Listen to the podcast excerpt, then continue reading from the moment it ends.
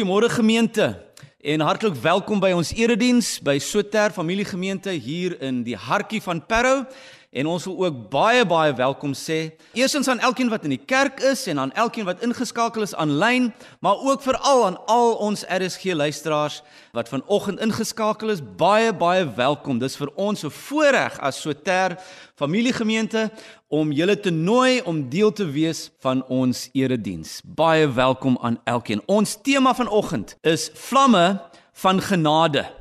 Ons gebed vir elkeen wat luister is dat die Here regtig in jou hart sal inspreek.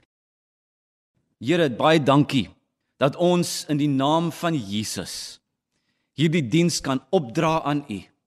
Dankie dat ons U kan vra, Here, om uh, U teenwoordigheid in ons midde, net dat dat U ons sal bewus maak van U nabyheid. Ons weet dat U is Immanuel, God met ons. Maar ons het dikwels u hulp nodig om dit te ervaar en dit en en bewus te wees van u nabyheid. En so vra ons Here kom en help ons deur u genade vanoggend ook. Elkeen van ons. Of ons nou hier in die kerk sit of ons nou daar by die huis sit en luister oor die radio. Here mag ons bewus wees van u. En dan veral as ons u woord oopmaak. O Here, mag ons net weet en mag ons bewus wees dat u die woord vir ons oopbreek dat U ons harte voorberei en dat U deur U genade in ons lewens en ons harte inspreek. Hier is ons, Here. Ons behoort aan U. Kom en seën dan hierdie diens tot U eer en verheerliking in die naam van Jesus. Amen. Kom ons gee dan geleentheid. Ons gaan heerlik na 'n baie mooi lied luister om ons net ons harte in te stem en dan as ons klaar daarmee is, dan sal ons oorgaan na ons skriflesing en ons skriflesing is vanoggend in 1 Konings hoofstuk 18 vanaf vers 21. Kom ons luister eers na 'n pragtige lied om ons harte in te stem.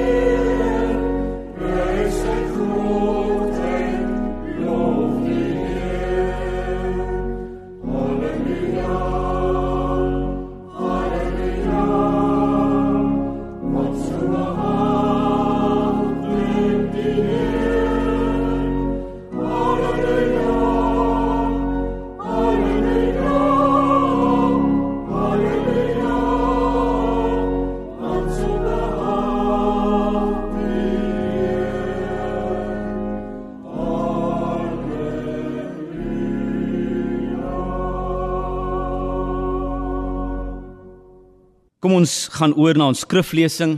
Daar lees ons in 1 Konings hoofstuk 18. Nou net ter inleiding is dit belangrik om bietjie weer konteks te gee rondom hierdie verhaal. Dis die verhaal van Elia. Nou Elia sê die Bybel vir ons het gelewe in buitengewone tye. Hy het gelewe in die tyd van koning Agab wat koning was van Israel. En die Bybel sê vir ons dat koning Agab het meer sonde gedoen en meer verkeerd gedoen en meer weggedraai van die weë van die Here af as enige ander koning voor hom. So dit was buitengewone tye. En in hierdie buitengewone tye het die Here 'n gewone mens geroep om 'n buitengewone lewe te lei.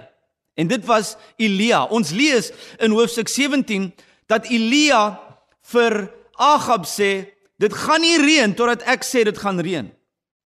En dan sê die Here vir Elia, jy moet vlug na Krit toe, na 'n spruit en daar het kraaie vir hom kos gebring in die oggend en in die aand. Dis nogal buitengewoon, né? Weet nie hoe van hoeveel van julle dit al beleef dat kraaie vir jou kos bring nie, maar dis redelik buitengewoon. En toe het hy verder gaan en vir hom gesê toe toe die spruit nou opdroog, toe het hy gegaan na 'n ander area toe en daar het 'n weduwee ook vir hom gesorg en vir hom kos gegee. En dan lees ons op 'n stadium dat die Here vir Elia sê, "Gaan terug en wys vir jouself vir Agab."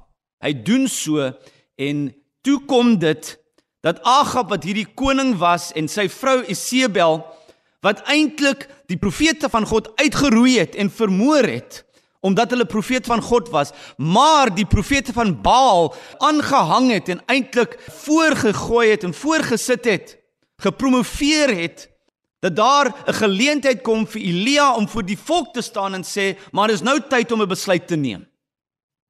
Dis nou tyd om 'n besluit te neem en dis waar ons gaan lees daar in vers 21, maar dan gaan ons oorslaan. Dan gaan ons lees vanaf vers 36. So kom ons lees eers 1 Konings 18 vers 21 wat sê: Elia, dis nou nadat die volk na hom toe geroep is, die hele volk en die Baalprofete, hy het nader gegaan na die hele volk en gesê: "Hoe lank gaan julle nog op twee krikke bly hink?" As die Here God is, volg hom.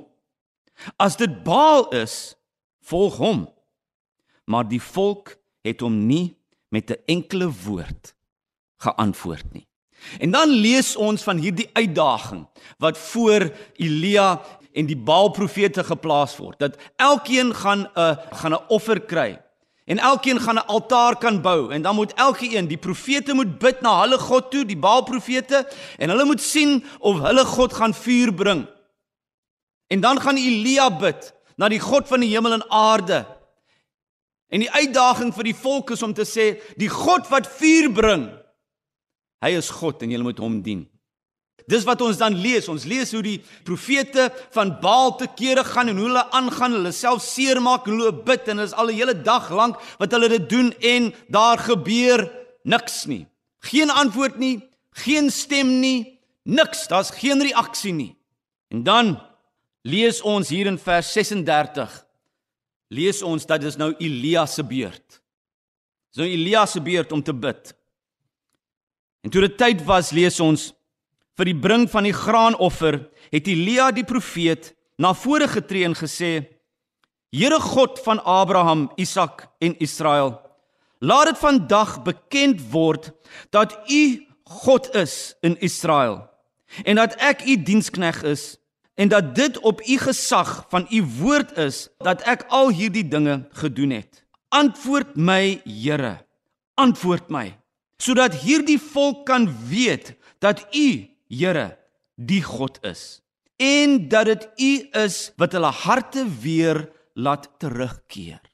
Vers 38 sê: "Toeslaan die vuur van die Here neer en verteer die brandoffer, die hout, die klippe en die losgrond, dat dit selfs die water wat in die sloot was opgelek." Toe die hele volk dit sien, val hulle neer met hulle gesigte teen die grond en sê: "Die Here, hy is God." Elia sê toe vir hulle: "Gryp die profete van Baal. Niemand van hulle moet wegkom nie." Hulle het hulle gegryp en Elia het hulle afgeneem na die spruit Kison en hulle daar omgebring. Net tot sover in die woord van die Here. Ek het terwyl ek so voorberei het vir vanoggend se woord, het uh, ek bietjie gaan nalees en ek kom toe op 'n uh, op 'n webwerf af waar hulle bietjie praat oor oor vuur en oor wat vuur is en hulle het nie eens gesê wie die goed geskryf het nie en ek het 'n ding daar gesien wat vir my so mooi was en ek het hom bietjie gaan vertaal en hom bietjie aangepas sodat hy meer sin maak vir ons. En hy sê die volgende: Vuur het nie 'n vorm nie. Jy kan dit nie proe nie. Jy kan dit ook nie ruik of hoor nie. Ek gaan dink en sê, is dit so? Ja. Het jy al 'n kers geruik? Die vlam van 'n kers? Nee, ek het nie. Jy ruik miskien die hout wat brand en jy ruik miskien ander goed wat brand en jy hoor dit, maar vuur kan jy nie ruik nie. Nogal interessant, né? Nee. Jy kan nie aan dit raak nie tensy jy gewillig is om redelik seer te kry. Jy kan dit ook nie weeg nie of meet nie of selfs ontleed met instrumente nie.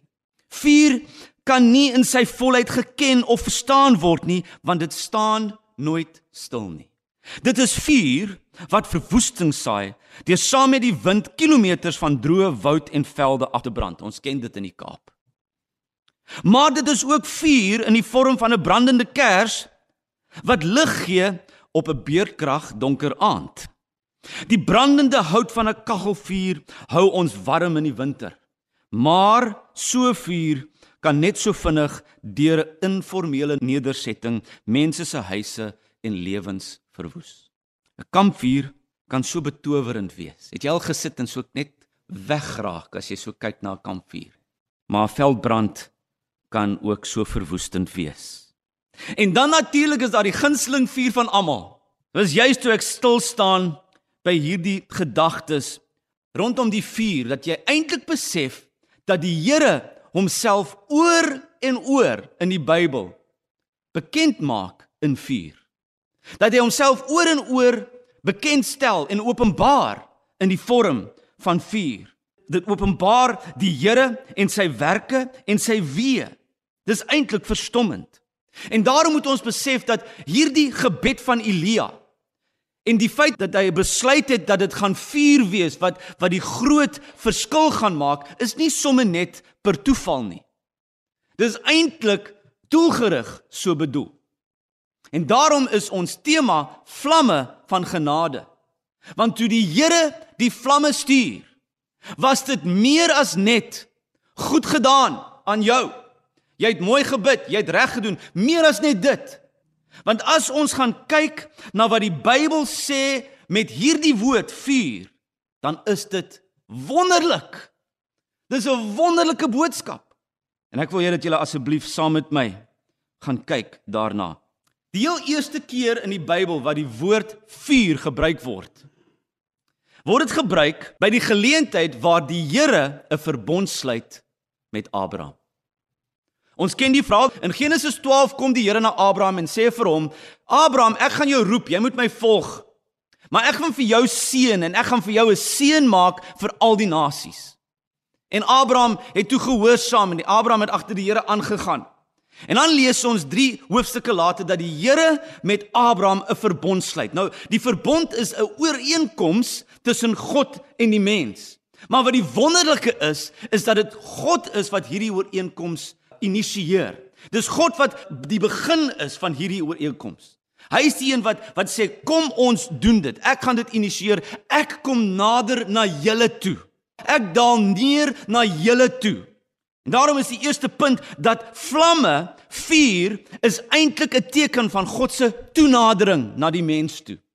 Ons lees daar in Genesis 15 vers 19. Toe sê die Here vir hom, dis nou Abraham, bring vir my 'n 3 jaar oud vers kalf, 'n 3 jaar oud bok en 'n 3 jaar oud skaapram, 'n tortelduif en 'n jong duif. En Abraham het dit toe gebring en hy het uh, toe die groter diere middeldeur gesny en hulle so in twee rye geplaas. En dan lees ons net so 'n paar verse later, toe die son ondergaan en die skemer donker was, kyk, toe is daar die rook van 'n oond en die vuur van 'n fakkel wat tussen daardie stukke deur beweeg.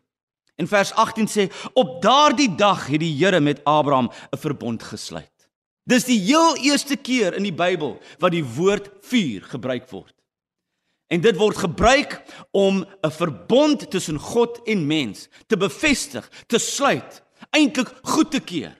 Om te sê ja, hierdie vuur is 'n bevestiging van my soeke na die mens en my verhouding met die mens. Dis 'n goedkeuring van hierdie ooreenkoms. 4. Dis belangrik om dit te besef. Dit gebeur deur vuur. Maar het julle geweet, jare later, toe die Here vir Moses moes roep vir die groot taak om die volk Israel uit Egipte uit te lei, Hoe het hy homself openbaar aan Moses? Vuur. In vuur kom die Here met vlamme wat niks verbrand nie. Kom die Here en openbaar homself. Hy maak homself bekend aan Moses in vuur. Weereens God wat nader kom. God wat neerdaal. God wat toenader na die mens toe en openbaar homself in vuur. Ons lees toe die volk Israel uit Egipte uitkom en hulle is in die woestyn en in die wildernis, nog nie eers deur die Rooi See nie. Lees ons dat die Here kom in 'n wolkkolom bedags en in 'n vuurkolom snags. Weet jy wat vir my so wonderlik is en ek gaan dit lees hier in Eksodus 12. Die Here het bedags in 'n wolkkolom voor hulle uitgegaan om hulle die pad te lei en snags in 'n vuurkolom om 'n uh, lig aan hulle te verskaf. Ek wil hê dat ons moet oplet. Hy sê nie hy het vuurkolom gestuur nie. Hy sê nie hy het iemand gestuur om 'n wolkkolom te wees, om 'n vuurkolom te wees nie. Nee, die Here was in die wolkkolom en in die vuurkolom. Dit was die Here self. Hy openbaar homself weer eens as vuur wat lig bring. Hy hy daal neer. Hy nader tot die mens in vuur, vlamme van toenadering. Toe die offerdiens die eerste keer in die heiligdom daar in die tent van samekoms toe Moses en Aaron besig was om die offerdiens wat sou plaasvind elke dag vir jare en honderde jare wat daarna sou kom was die heel eerste keer toe die brandoffer voor die Here gebring is, die heel eerste keer, was dit nie vir hulle nodig om die die brandoffer aan die brand te steek nie, want die Here het vuur gestuur om dit te verteer. Ons lees dit in Levitikus 9 vers 24. Vuur het voor die Here uitgegaan en die brandoffer en die vet op die altaar verteer. God wat in die altaar God wat in die in die tempel eintlik want dit het toe nader aan die tempel geword homself kom vestig. En dan natuurlik Handelinge hoofstuk 2. Tonge van vuur. God wat deur sy gees neerdaal. So vuur praat van God se toenadering. Vuur praat van God wat verhouding soek, wat verbond soek, wat verhouding soek met 'n gewone mens soos ek en jy. So toe die Here die vuur stuur, toe Elia gebid het, was dit die Here se manier om te sê ek is hier want ek soek weer verhouding met julle. Ten spyte van alles wat gebeur het in die koninkryk van Israel in daardie tyd, van Agab met sy sonde, het die Here in sy genade, in sy genade Vlamme van genade, vlamme van toenadering het die Here gekom en gesê hier is ek. Hier is ek weer by julle. Maar daar's ook 'n ander kant. Ons het nou gepraat van die heel eerste keer wat vuur genoem word in die Bybel. Die tweede keer wat vuur genoem word in die Bybel, sien ons in Genesis 19. En daar gaan ek dit lees. Die Here het op Sodom en Gomorra swaal en vuur laat reën wat van die Here af uit die hemelruim kom. Jy sien want vuur in die Bybel is nie net 'n teken van God se toenadering nie. Dis ook 'n teken van God se toorn. Dis ook 'n teken van God se oordeel. Dit was so vir Sodom en Gomorra. Dit was ook so vir die land van Egipte en hulle koning Farao wat hardkoppig teen die Here opgestaan het. En dat die sewende van die 10 plaae was die sewende plaag haal en onophoudelike vuur binne in die haal. God se oordeel oor 'n sondige, hardkoppige volk. In Deuteronomium lees ons, dis vir my so mooi dat die Here in Deuteronomium 9 vir die volk Israel sê: "Hoor hier, julle moet verstaan, as julle nou in die land Kanaan inkom en julle sien dat ek besig is om julle te help om die volkere rondom julle om hulle weg te jaag en en hulle te oorwin, dan moet julle nie dink dat dit so is omdat julle so goed en so oulik is nie. Deuteronomium 9 vers 4 sê hy dit. Dis nie omdat julle so regverdig is nie. Maar sê dis omdat die nasies wat daar is so goddeloos is. Dis wat vers 4 sê. Net die vers voor dit sê hy, jy moet vandag weet, die Here jou God, hy wat voor jou oor die Jordaan gaan, Hy is 'n verterende vuur. God is 'n verterende vuur. En hy self sal hulle uitdelg. Wie sal hulle uitdelg? Die goddelose volke sal hy uitdelg. Hoekom? Want God is 'n verterende vuur sodat hulle verdryf sal word en vinnig vernietig sal word, sê hy daar. 'n interessante vers in Lukas en dit sê daar in Lukas 9 vers 53 sê dit, maar die Samaritane het hom nie ontvang nie omdat hy doelgerig na Jerusalem op pad was. Twee van die disippels, né, Jakobus en Johannes, sê toe toe hulle dit sien, sê hulle vir die Here: "Here, wil U hê ons moet vuur uit die hemel laat neerkom om hulle te verteer?" Omdat hulle U verwerp. So selfs die disippels het geweet dat vuur was vir die Here 'n uh, openbaring van ook sy toren, van ook sy oordeel. En eintlik sien ons dit baie in die Nuwe Testament dat vuur gebruik word dwars deur die evangelies en dan dwars deur tot by Openbaring sien ons en ek gaan net een vers daar aan Matteus 25 vers 41 waar hy praat van die die bokke en die skape aan een kant en aan die ander kant en hy sê vir die wat aan sy linkerkant sê gaan weg van my julle vervloektes in die ewige vuur wat gereed gemaak is vir die duiwel en sy engele. Verskriklike woorde. En so met Elia. Want terwyl die volk God gesien het toe die vuur neerdaal, was daar 450 Baalprofete wat ook gesien het dat die vuur neerdaal en wat met hulle gebeur het was die oordeel van die Here. Hulle is almal vermoor. Vlamme van toenadering, maar ook vlamme van oordeel. Ons lees en hier is waar hierdie woord so belangrik is.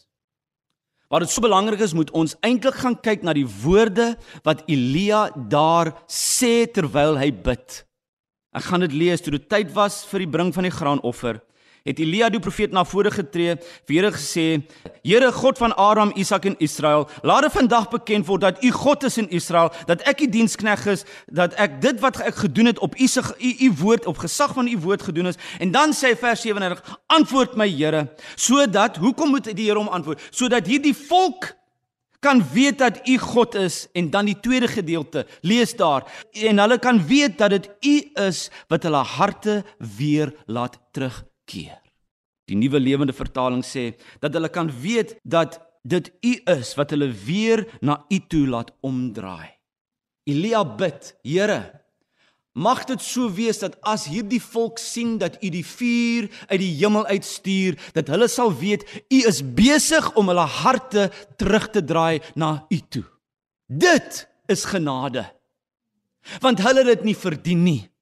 Soos wat nie een van ons verdien dat die Here iets doen in ons lewens om ons harte terug te draai na hom toe. Het hierdie volk dit nie verdien nie.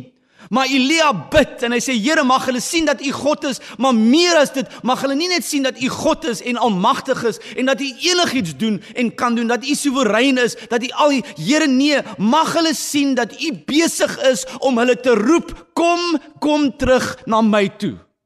U is besig om te roep kom terug na my toe. U is eintlik besig om die omstandighede en die geleentheid te skep om hulle te bekeer.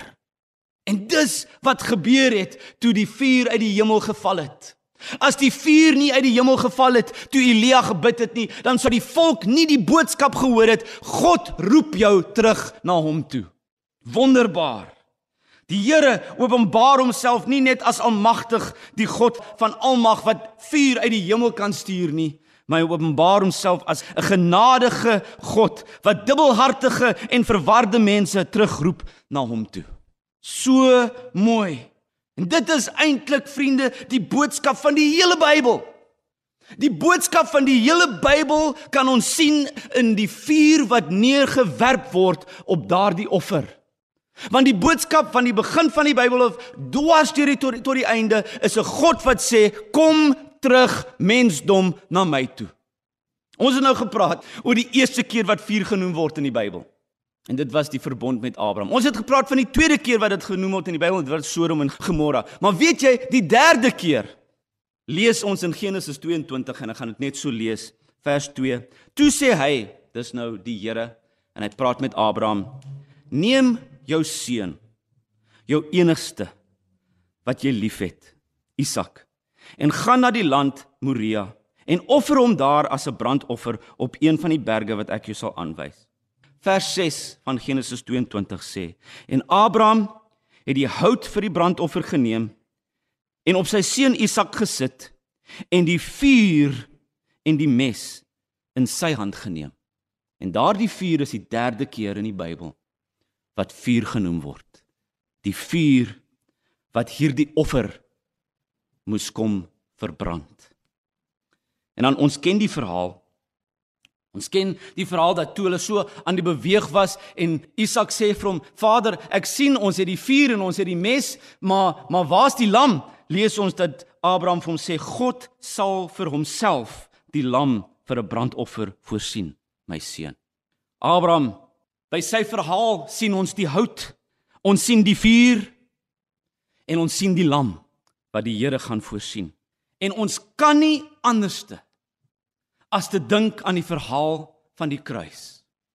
Van Jesus aan die kruis. Want by Jesus in die kruis sien ons die hout wat die kruis is. Wat net soos met Isak wat die hout op hom geplaas is, so ook moes Jesus die hout ook dra. Ons sien ook die lam wat geslag gaan wees. Johannes die Doper het verwys na Jesus en sê kyk, daar is die lam van God wat die sonde van die wêreld wegneem. En nou is die vraag, waar is die vuur? Die vuur was juis die feit dat God die toren wat op ons moes kom. Die toren van sy woede oor ons sonde en ons wegdraai van God af van ons goddeloosheid waarvan ons lees dwars deur die Ou Testament en dwars deur die Nuwe Testament dat dit voorberei is vir die wat nie aan God behoort nie. Hy het daardie toren, hy het daardie oordeel gewerp soos vuur op Christus aan die kruis. En soos wat Elia die verhaal van die vuur wat neerdaal is 'n verhaal van God se genade omdat dit eintlik mense terugroep. So is die verhaal van die kruis, die verhaal van God se genade. Want daar was 'n vuur. Want vir ons is hy seer gemaak. Vir ons is hy gewond vir ons en in ons plek en die straf sê Jesaja 53 die straf wat op ons moes kom.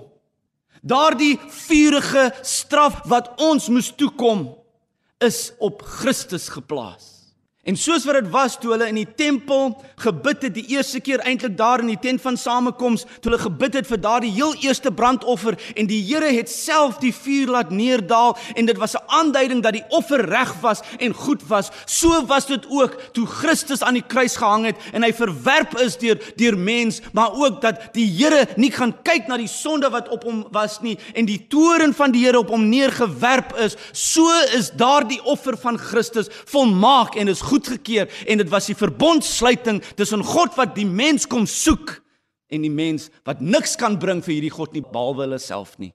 Daarom soos wat die vuur van Elia 'n teken is nie net van God se toorn oor die Baal profete nie So is die kruis nie net 'n teken van God se toorn oor sonde nie, maar is eintlik veral 'n teken van 'n God wat toenadering soek en sê, "Kom, ek gee julle die geleentheid om terug te keer na my toe." Ek gee die geleentheid, kom terug na my toe. Dis die verhaal van die Bybel. Dis die verhaal van die Ou Testament, dis die verhaal van die kruis in die Nuwe Testament. Kom terug na my toe. Johannes 3 vers 16, ons ken dit so goed. Want so lief het God die wêreld gehad dat hy sy unieke seun sê die nuutste vertaling gegee het sodat elkeen wat in hom glo nie verlore mag gaan nie, maar die ewige lewe kan hê. En dis die verskil. Die verskil is dat as ons na die kruis kyk en dit ernstig opneem en dit glo dat Jesus dit vir my gedoen het en vir hom kom sê Here ek glo dat, dat dan is ons besig om juis te reageer soos wat God wil hê ons moet reageer want die kruis is daar soos wat die vuur van Elia se gebed daar is om ons harte terug te draai na Christus toe. O mag ons dit doen.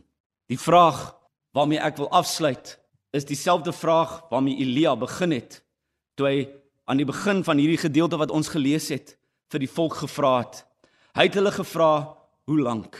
Hoe lank gaan julle nog hinker of hink op twee gedagtes of gaan julle op twee krikke hink hoe lank Hoe lank gaan die Here dit nog so toelaat dat die mensdom so aangaan en dinge erger word rondom ons? Ons ons weet ons leef in buitengewone tye.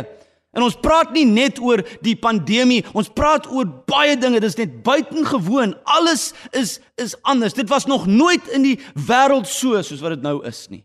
Maar nie net dit nie, hoe lank gaan jy en ek nog hink en wonder en nie 'n antwoord gee op die kruis nie. Jy sien, dis die waarheid van die kruis. Is dat selfs swyg is 'n reaksie teenoor die kruis. Selfs net stil bly. Selfs net ag ja. Dis mooi, 'n mooi verhaal is ook 'n reaksie. Elke mens sal moet antwoord oor wat hulle met die kruis gedoen het. Elke mens sal moet antwoord oor wat die kruis vir hulle beteken het. Wat beteken die kruis vir jou? Paulus skryf aan die Efesiërs en hy sê dis uit genade wat jy gered is. Vlamme van genade. Vlamme van genade daar toe Elia gebid het, as jy kyk na die kruis van Christus, vlamme van genade, van God se genade wat neergedaal het op Christus Vlamme van genade wat wat neergedaal het want dis deur genade. Nie een van die persone wat aan Jesus behoort het dit verdien nie. Dit is onmoontlik om dit te verdien. Want is uit genade wat jy verlos is deur geloof. En juist dit nie, dit kom nie uit jouself nie. Dit is die gawe van God. Dit kom nie uit jou werke nie sodat niemand mag roem nie. As die Here kom in die kruis En die boodskap van die kruis, soos die boodskap van die vuur van Elia se gebed, die boodskap van die kruis is: Kom, kom terug na my toe. As dit die boodskap is, wat is jou en my antwoord daarop? Want antwoord sal ons moet of ons dit nou doen of eendag later, ons sal moet antwoord. Wat is jou antwoord? Kom ons bid saam. As ons na die kruis kyk, dat u altyd besig is om deur die kruis vir ons elkeen terug te roep. En so Here, hier is ek. Ek sien die vuur. Ek sien die kruis. Ek sien die straf wat Jesus ontvang het. Here, ek wil net sê ek glo dat u gedoen het vir my ook. Dat u daardie straf, daardie vuurige toorn van die Vader ontvang het, Here, sodat ek dit nie hoef te ontvang nie. En in geloof kom sê ek vir die Here, dankie dat U dit vir my gedoen het. En ek wil vir U sê, Here, ek wil terugdraai na U toe en ek wil ek wil doen wat U wil hê ek moet doen, Here. Eintlik my lewe vir U gee in Jesus naam. Amen. Die genade van ons Here Jesus Christus en die liefde van God ons Vader en die teenwoordigheid van die Heilige Gees is met elkeen totdat hy weer kom. Amen.